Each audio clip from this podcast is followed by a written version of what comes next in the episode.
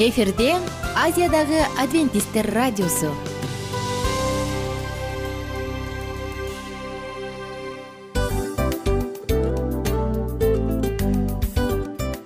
Салам достор.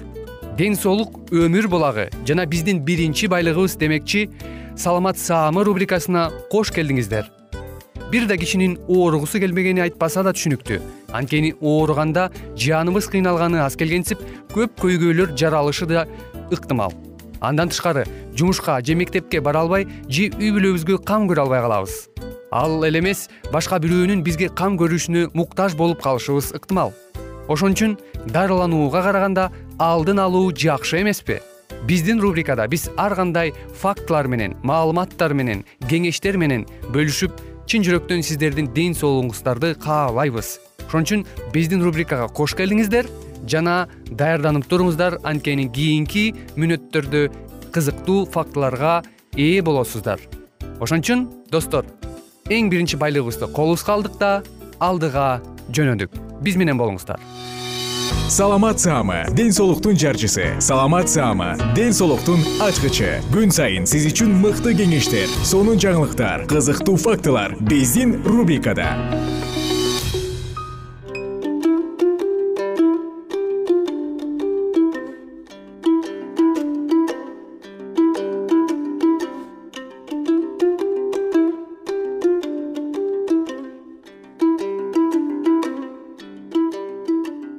амансыздарбы ардактуу радио угармандарыбыз. Кайрадан эле сиздердин назарыңыздарда ден соолуктун ачкычтары программасы.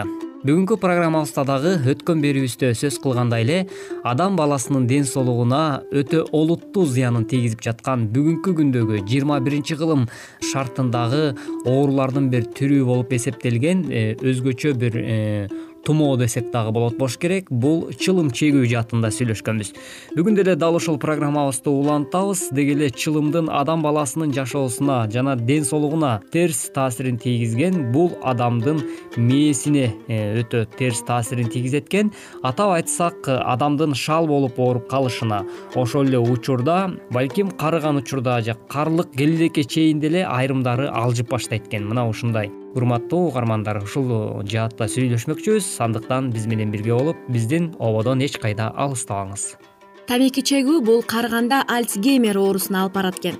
Ар бир тартым сигаретти бул элүү миң клетканы өлтүрүшү мүмкүн экен. Жана дагы көз карыганда сокурлукка себеп болушу мүмкүн. Мурун жыт сезүү органдарын дагы алсыратышы мүмкүн экен жана дагы өпкө өпкөнүн рак оорусу бронхит карын жана кызыл өңгөч рагы карын жарасы жана кан сыроо да болушу мүмкүн. Элестетип көрүңүз адамдын ден соолугуна ушунчалык тамекинин э, зыяндуулугу керек болсо элүү миң клетканы өлтүрүп жаткандыгы бул эмнеден кабар берет? Демек адамдын ден соолугун жарым жартылайлыкка алып барганга барабар дегенге дагы э, айтууга толук мүмкүн экен. Андыктан кымбаттуу угармандар ушу чылымдан кантип кутулуу керек деги эле чылымды кантип ташташ керек деп кээ бирөөбүз дагы мындай башыбызды маң кылган дагы айрым күйөрмандарыбыз болот эмеспи.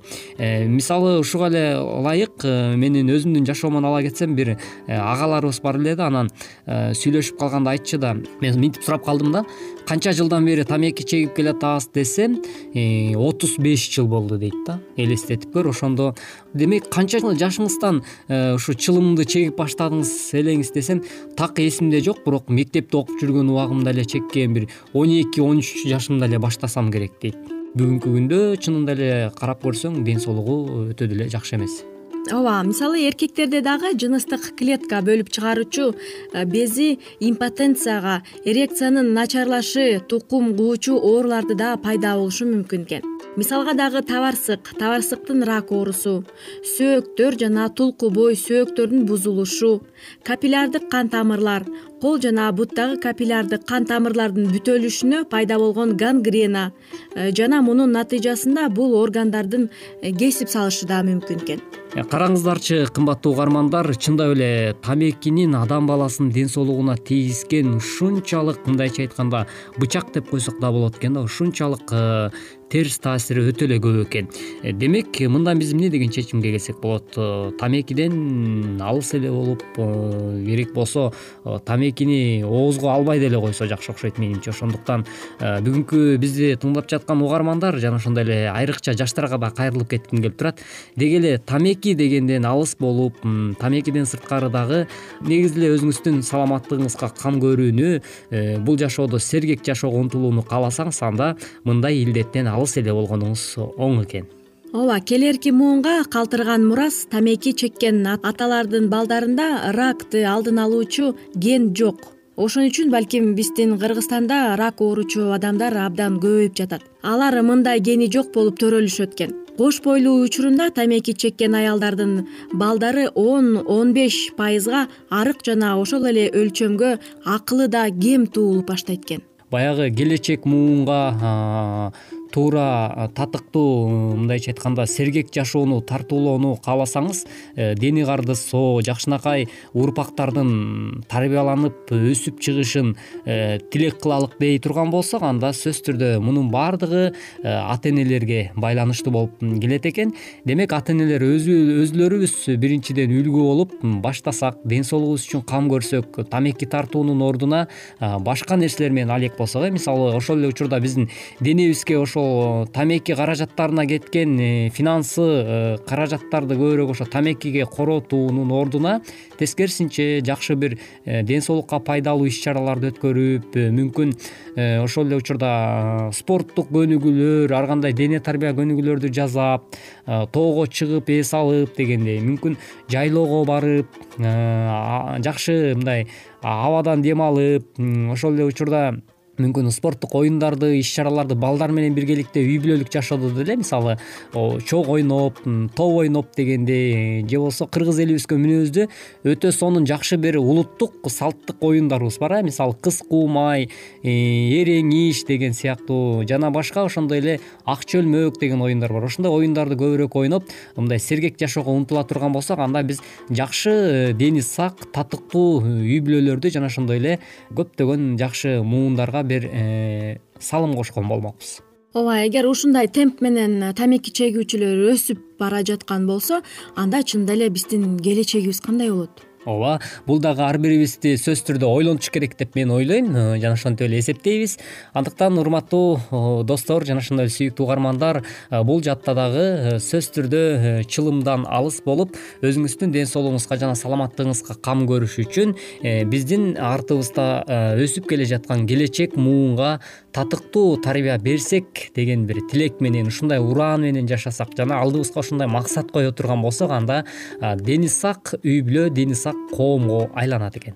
Ошон үчүн биз э, жаш кезден эле тамекинин зыяндуулугун канчалык биздин жашообузга таасир эткенин билип алсак биз балким ушул тамекиден оолак болушубуз мүмкүн менде мындай деген ой жаралат да кесиптеш көбүнчө ушул э, тамеки чегүүгө каршы туруу үчүн бул э, бала бакчадан эле башташ керек го дейм да. Же болбосо үй бүлөдөн ар бир ата эне көбүнчө баягы үй бүлөдө тарбиянын жетимиш беш пайызын үй бүлөдө энелер балдарына тарбия берет экен да ошол апалар мисалы апалар көбүрөөк балдарынын кулагына куя берсе айта берсе тамеки чекпеш керек тамекиден алыс бол бул сенин ден соолугуңа өтө зыяндуу келечегиңе балта чабасың деген сыяктуу кеңештерди көбүрөөк айта берсек ошол эле кыз кыз уул болобу эркек уул болобу ошолорго көбүрөөк апалар жана аталар өздөрү дагы үлгү болуп мисалы тамеки чекпей эле кой деп бир кеңештерди айтса үй бүлөдөчү э, биз дагы бир э, коомго салым кошкон болот экенбиз. Программабызга назар салганыңыздар үчүн чоң рахмат. Кайрадан бул берүү аркылуу кезиккенче аман болуңуздар жана сак саламатта калыңыз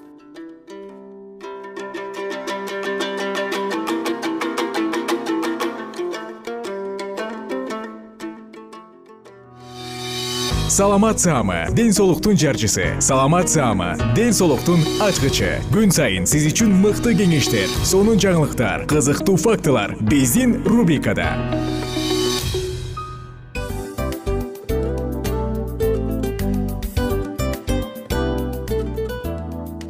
Салют замандаштар баарыңыздарга ысык салам дил маек программабызга кош келиңиздер. Дил маек рубрикасы дегенде эле бул эмне болгон дил маек ким менен маектешебиз деп сурайт болуш керек угармандарыбыз. Бул рубриканы кыскача тааныштыра кете турган болсок ар тарап кесип ээлеринен болгон сонун интервью кеңештер бар жылдыздар менен болгон маек бар аталарыбыздын агаларыбыздын чоң аталарыбыздан сонун кеңештер бар ошондой эле эже сиңдилердин кеңештери бар. Айтор баардык кызыктардын баары алдыда негизи эле адам баласы бир кимдир бирөөнө ишенип сырын ачкысы келет эмеспи э мындай баарлашууга жакын келебиз го. Албетте. Негизи бир жерге отуруп алып кенен шашпай баягы жүрөктөн жүрөккө ачып сырларыбызды ар кандай көйгөйлөрүбүз менен бөлүшүп баягы чын жүрөктөн маек курганды кимибиз сүйбөйбүз э? Ооба десең ал нерсеге суусап да келебиз да. Ооба кээ бирде адамга чындыгында баягы э, ысык маек баягы жылуу маек жетишпейт да. Ошондуктан биз ушул рубриканы ойлоп тапканыбызда эң биринчи эле достор сиздер менен чын жүрөктөн бир маңыздуу темаларды козгоп кеткени э, кааладык. Ошондуктан ушундай сонун бир рубриканы тартуулап жатабыз. Анын үстүнө радио дагы сонун дос да анткени э, мындай учурда досуңа айтсаң досуң досуна айтат досу досуна айтат да анан бүт өлкө билип калышы мүмкүн го. А радио болсо сени сатпаган сенин айыбыңды ачпаган сенин сырыңды эч кимге айтпаган сонун дос мына ошондуктан биздин алдыдагы айта турган кеңештерибизди биздин досторубуздун кеңештерин угуп анан ал жака пикириңизди дагы калтырып кайрадан биз менен байланышсаңыздар болот. Деги эле жашооңузга эгерде кичине болсо дагы өзгөрүү алып моралдык жактан нравовалык жактан сонун бир кеңештерди алсаңыз демек биз максатыбызга жеттик. Ооба. Чыңгыз атабыз улуу жазуучу э, чыңгыз айтматов айткандай адам болуу бул күнүмдүк процесс экен. Күн сайын адам бойдон калуу бул адамзатка эң эле кыйын дейт э? э эң кыйын дейт. Чындыгында бунун э, негизинде адамдын эң баягы сапаттуулугу адамдын э, адамгерчилиги жана көптөгөн керектүү нерселер. Мына ошол темалар дагы бизде ушул дил маекте биз аларды да козгойбуз. Ден соолук жөнүндө да сүйлөшөбүз. Сөзсүз түрдө. Анан милан мырза негизи айтып коюшат го. Биз көбүнчө эмнени ойлонсок ошол нерсеге карата иш кылабыз го. Ооба. Анан анысы кандай балким бул радио баракчада кимдир бирөөнүн оюн текшергенге жардам берет кимдир бирөөнүн жүрөгүн текшергенге жардам берет. Балким кимдир бирөөгө жашоонун маңызын тапканга жардам берет айтор кызыктын баары алдыда бул жөн гана кыскача жарнама анда угармандарыбыздын баардыгын кийинки рубрикабызга чакырабыз. Ал эми кызматта маңдайымда отурган кесиптешим милан жана мен айнура. Анда эмесе биз даярдаган терең терең ойлор менен таанышууга кеттик. Алыс алыс баралык анда эмесе достор биз менен бирге болуңуздар. Алдыда эң кызыктуу маалыматтардын баардыгы бир нече мүнөттөр бою жалгыз гана сизге арналат. Мына ошондуктан жакшы маанай менен угууну каалайбыз. Үн алышканча. Жөнөдүк.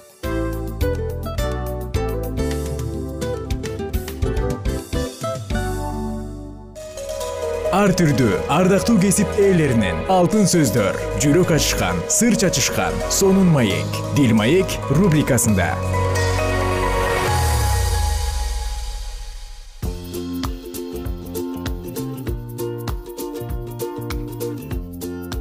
салам достор. Жалпы угармандарыбызга сагынычтуу ысык салам айтабыз. Сиздер менен кайрадан мен аку кызматтамын. Дил маек уктуруусу старт алды бүгүнкү темабыз дагы да болсо баарыбыз үчүн эң эле пайдалуу кеңештердин бири. Анткени бүгүнкү тема пайдалуу адаттар деп аталат.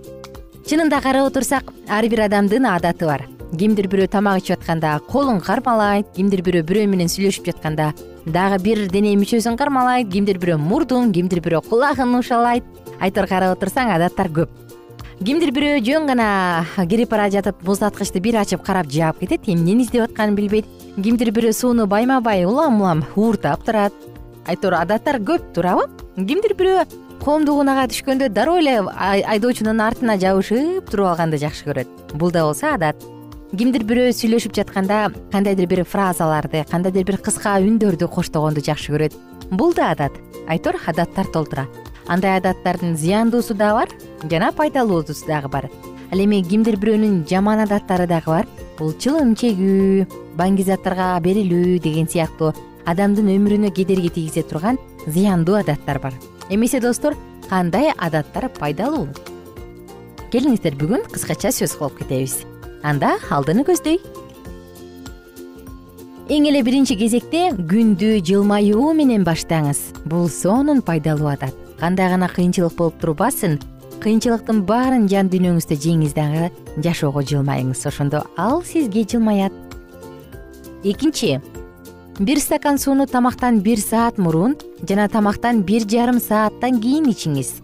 Анткени суу өмүр булагы. Биздин ар бир клеткабыз сууга муктаж биздин ар бир органыбыз сууга муктаж. Ошондуктан сууну жетиштүү ичиңиз эгер салмагыңыз канча экенин эсептеп алыңыз дагы ар бир килограммга отуз кырк миллилитр күнүнө ичиңиз.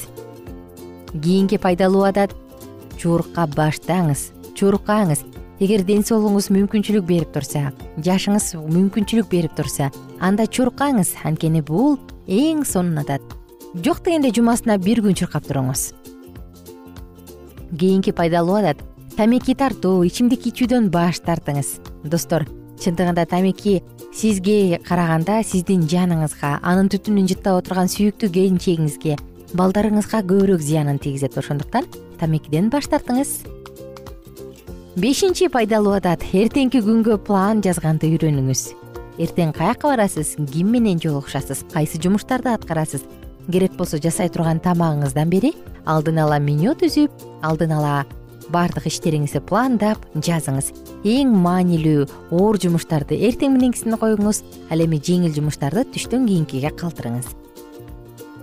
Жана алтынчы пайдалуу адат позитивдүү ойлонуңуз. Биздин бүгүнкү оюбуз эртеңки кыймыл бүрсүгүнкү адат жана андан наркы күnkү тагдыр ошондуктан бүгүнкү оюңуз бир учурда кыймылга айланат. Позитивдүү ойлонуңуз. Күн сайын бир канча мөмө жемиш жеп туруңуз кайсы бир маалыматта айтылгандай күнүнө жок дегенде төрт жүз грамм мөмө жемиш жеп туруңуз дейт. Ошондуктан бул да болсо бизге жакшы бир пайдасын тийгизип өтсүн. Түз басканды үйрөнүңүз. Бул да пайдалуу адат. Караңызчы ардактуу угарман түз басканды. Адамдын дене келбетин түз кармай билүү адамды келбеттүү кылат жана ашыкча курсакты чыгарып торсойтуп жүргөндөн алдын алат. Баягы иинди дароо түздөр менен курсак өзү эле автоматикалык түрдө тартылат.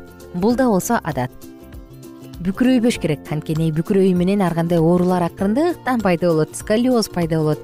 Адамдын ички органдары туура эмес функциясын аткара баштайт. Ошондуктан туура басуу түз жүрүү маанилүү.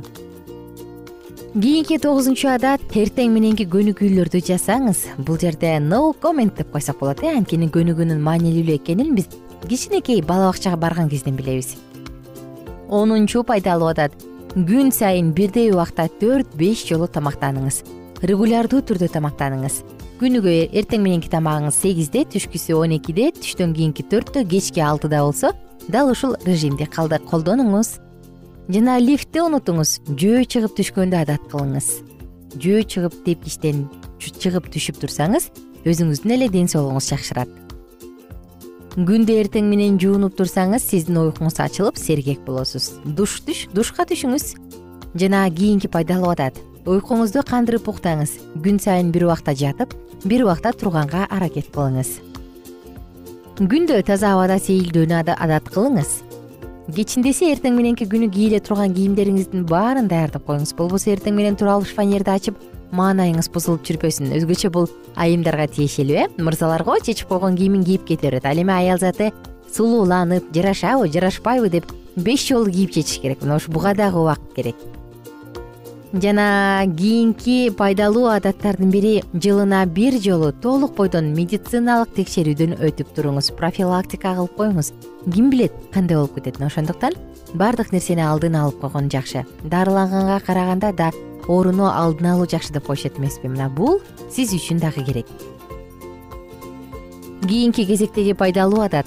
Акылыңызга келген өзгөчө ойлорду идеяларды жазып алыңыз кээде бир сөздү айтып туруп аябай сонун айттым о акылдуу экенмин деп өзүңдү өзүң мактап калат эмессиңби анысы кандай акылдуу идеяларды өзгөчө ойлорду дароо жазып алыңыз. Мүмкүн болсо күндөлүк сыяктуу кылып дайыма жазып жүрсөңүз бул да жакшы күн сайын жүз бир миң беш жүз миллилитрден кем эмес таза газдалбаган суу ичиңиз. Бир жарым литрден кем эмес.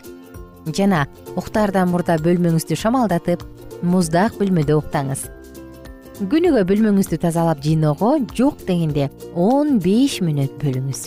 Жок дегенде.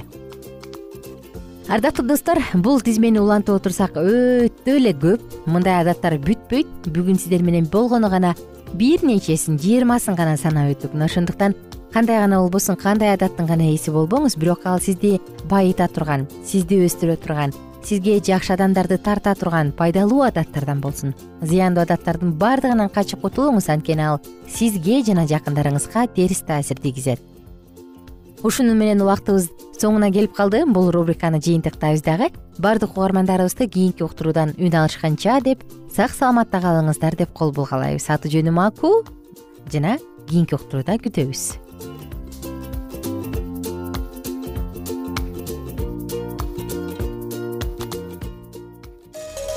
ар түрдүү ардактуу кесип ээлеринен. Алтын сөздөр жүрөк ачышкан сыр чачышкан сонун маек. Дил маек рубрикасында.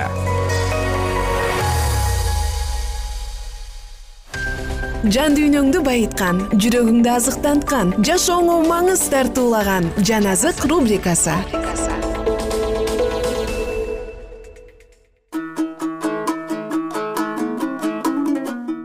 Кутмандуу күнүңүздөр менен достор улуу күрөш китебин улантабыз кызыктуу окуяларды биз менен бирге тыңдаңыз. Лютердин учурунда рим чиркөөсүндө реформа талап кылынган сыяктанып протестант жыйындарында дагы чоң реформа талап кылынды. Ал жерде дагы баштагыдай мамлекет менен диндин байланышы адам оюнун алдында моюн сунуу жана кудай сөзүндөгү окутууларды адамдардын божомолдору менен алмаштыруу үстөмдүк кылган мукадас китептерин он тогузунчу кылымдын биринчи жарымында баардык жерлерге таратуу чындыкты таанууда жана өмүр тажрыйбасын алууда көп деле ийгилик алып келген жок. Эми шайтан баштагыдай адамдардан кудай сөзүн жаап жашыра алган эмес. Анткени китептер баардыгына жеткиликтүү болуп калган. Бирок өз көздөгөн максатына жетиш үчүн ал адамдардын мукадаска жеңил ойлуулук менен мамиле кылууларын мажбурлады. Жазууларды изилдөө мүмкүнчүлүгүнө илең салаңдык көргөзүү менен адамдар баштагыдай эле мукадаска эч кандай тиешеси жок жалган талкууларды кабыл алышкан. Куугунтук аркылуу чындыкты жок кылуу жасаган иштер аракети ийгиликсиз болуп калгандыктан шайтан кайрадан келишим ыкмасына кайрылды. Бир кезде бул ыкма адамдарды чындыктан баш тарттырып рим чиркөөсүн уюштурганга жардам берген. Эми болсо ал чыныгы христиандарды бутпарасттар менен эмес жердик каражаттарга башка буттарга табынып кызмат кылгандай эле байланып калган адамдар менен бириктирди бул кеңештин акыры баштагыдай эле өлүмгө алып бармак. Диндин максатынын алдында текебердик дүнүйөкордук тарбияланып жана жыйындар жолдон чыккан. Шайтан ыйык жазуунун чындыктарын бурмалаганын уланта берди. Миллиондеген жандарды өлүмгө түрткөн жыйындардын жомоктору өз тамырын уламдан улам тереңдетти. Жыйын бир жолу касиеттүүлөргө берилген ишеним үчүн күрөшпөстөн бул жомокторду кабыл алышып жана аларды жакташты. Реформаторлор күрөшүп жана азап тарткан чындыктын негиздери мына ушундайча талкаланган. Он жетинчи бап. Таңдын кабарчылары. Мукадастын бизге ачып берген улуу жана салтанаттуу чындыктарынын бири адамзатты куткаруу ишин аяктагандагы ыйса машаяктын экинчи келиши болуп эсептелет канча деген көп жылдар караңгылык өрөөнүндө жана өлүм көлөкөсүндө жолоочулап жүргөн кудай элине өмүр жана тирилүү болгондун өзү жана өзүнүн куугунтукталгандан уулдарын чогулта турган машаяктын экинчи келиши жөнүндөгү жакшы кабар убадаланып калтырылган. Бул өтө кымбат убада. Машаяктын экинчи келиши жөнүндөгү окутуу ыйык жазуунун негизги пикири болуп эсептелет. Алгачкы жаратылган адам өз башын шылкыйтып эдем багын таштап кеткен күндөн тартып ишенимдин уулдары ойроңдоочунун бийлигин талкалап жана жоголгон бейиште кайрып бере турган убадалангандын келишин күтүшкөн. Куткаруучунун өз даңкы менен келиши байыркы касиеттүү адамдардын күткөн үмүтү болгон. Адам атадан жетинчи болуп келген енох пайгамбар үч жүз жыл кудай алдында жүргөн жана куткаруучуну алыстан көрүүгө мүмкүнчүлүк алган. Мына теңир өзүнүн сан жетпеген периштелери менен бардык адамдарды жазалаш үчүн жана бардык адилетсиз күнөөкөрлөрдүн анын үстүнө айткан катаал сөздөрүн алардын ичиндеги бардык адилетсиздердин адилетсиз иштерин ашкере кылыш үчүн келе жатат. Жүйүт китеби он төртүнчү бап он бешинчи аят. Аюб пайгамбар болсо өзүнүн азап чегип кыйналып жаткан күндөрүндө бекем ишеним менен мындай деп айткан. Бирок менин куткаруучум тирүү экендигин билем. Ал акыркы күнүмдө мына бул бузула баштаган теримди топурактан кайра тургузат. Жана мен өз денемде кудайды көрүп калам. Мен өзүм аны көрөм. Бирөөнүн көздөрү менен эмес аны өздөрүмдүн көздөрүм менен көрөт. Аюб китеби он тогузунчу бап жыйырма бешинчи жыйырма жетинчи аяттар. Чындыктын падышалыгынын башталышын билдирген жогорку жана жалындуу машаяктын келиши жөнүндөгү насаат сөздөр ыйык китептерди жазган адамдардын жүрөгүн толкушуткан мукадастагы пайгамбарлар асмандын оту жалындаган сөздөрдү табышкан. Забур жазуучусу израиль падышасынын бийиктиги жана күчү жөнүндө мындай деп айтат. Кудай сулуулуктун чокусу болгон сион тоосунан келет. Кудайыбыз келе жатат жана ал унчукпай келе жаткан жок. Ал асман менен жерге өз элин соттош үчүн чакырык салып жатат забур кырк төртүнчү бап экинчи төртүнчү аяттар асман кубансын дагы жер салтанаттансын андагынын баары шарпылдасын. Анткени келе жатат. Анткени жерди соттоо үчүн келе жатат. Ал ааламды өз чындыгы менен соттойт жана адамдарды өз акыйкаттыгы менен соттойт. Забур токсон беш он бир он үч. Ышая пайгамбар мындай деген. Бирок сенин өлгөндөрүң тирилет. Өлгөн денелер ордунан турат. Мерт болуп топуракка айлангандар көтөрүлгүлө салтанаттангыла анткени сенин шүүдүрүмүң өсүмдүк шүүдүрүмү жана жер өлүктөрдү чыгарат. Ажал биротоло жок болот. Кудай теңири бардык беттердеги көз жаштарды аарчийт жана бүт жер жүзүндөгү өз элине болгон кордоону жоет анткени теңир мындай деген анан ошол күнү мына ал биздин кудайыбыз дешет. Биз ага таянганбыз ал бизди куткарды. Бул биздин теңирибиз. Биз андан үмүт кылганбыз. Анын куткарган урматына кубанып салтанат куралы дешет ышая китеби жыйырма алтынчы бап он тогузунчу аят жыйырма бешинчи бап сегизинчи тогузунчу аяттар. Жана абакум пайгамбар дагы ыйык ачылышка суктанып анын пайда болушуна көз чаптырган. Кудай фемандан келе жатат жана ыйык фаран тоосунан келатат анын улуулук шаңы асманды жаап анын атагы жер үстүнө толду. Анын жаркырагы күндүн жаркырагындай ал туруп жерди солкулдатты. Карады эле элдерди калтырак басты кылымдар бою турган тоолор кулап адепки жаралган адырлар урады анын жолдору түбөлүктүү сен буудандарыңды минип куткаруучу арабаларыңа түштүң минтип аттангыдай сенин жаалың жалындаганбы сени көрүп тоолор титиреп суулар ташыды. Сенин сунулган найзаларың жарк журк этип калкылдаганда күн да ай да өз ордунда токтоп калды. Сен өз элиңди куткарыш үчүн өз арналганыңды куткарыш үчүн алдыга чыгып жатасың абакум үчүнчү бап үчүнчү он үчүнчү аяттар. Ардактуу достор сиздер менен бүгүн дагы улуу күрөш китебинин үзүндү окудук. Кайрадан кийинки уктуруудан амандашканча сак саламатта калыңыздар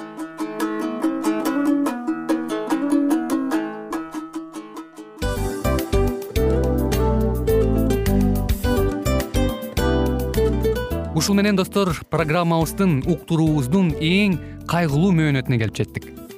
Кайгылуу дегенде ыйлагым келип кетти кесиптеш. Кадимкидей. Анткени баягы учурашасың анан коштошуу учур келгенде ии кантип ии эми эми бат баттан келиптир э сагындырбай деп атып араң коштошобуз го. Анысы кандай угармандарыбыз менен коштошчу учур келди кийинки уктурууларды сагыныч менен жүрөгүбүздө кусалык менен күтөбүз жалпыңыздарды анан жарым сааттык уктуруу көз ачышым канча өтүп кетти. Сөзсүз бирок бизде жакшы кабар бар. Кийинки уктурууларыбызда сөзсүз дагы кезигишебиз. Анткени биз көптөгөн сюрприздерди кызыктуу маалыматтарды жана керектүү керектүү нерселердин көпүнчөсүн даярдадык андай угармандарыбыздын баардыгына ийгиликтүү күн каалайбыз. Эгерде бүгүнкү күнүңүз өзгөчө э, өтүшүн кааласаңыз анда позитивдүү ой жүгүртүп жылмайып жакындарыңызга жакшы маанай тартуулап жүрө бериңиз анткени сөзсүз түрдө мунун арты кайтат э? Сөзсүз. Баягы ден соолугуңа оңолот ал бул деп көп нерсени санап келебиз. Эң негизгиси бул сиздин жашооңузду жаркын кыла түшөт экен жараткан кудай ар бирөөңүздөргө батасын берсин жашооңуз ийгиликтүү болсун сак саламатта калыңыздар деп мен милан жана кесиптешим айнура. Баардыгыңыздар менен кийинки уктурууда үн алышканча баарыңыздарга ийгилик каалайбыз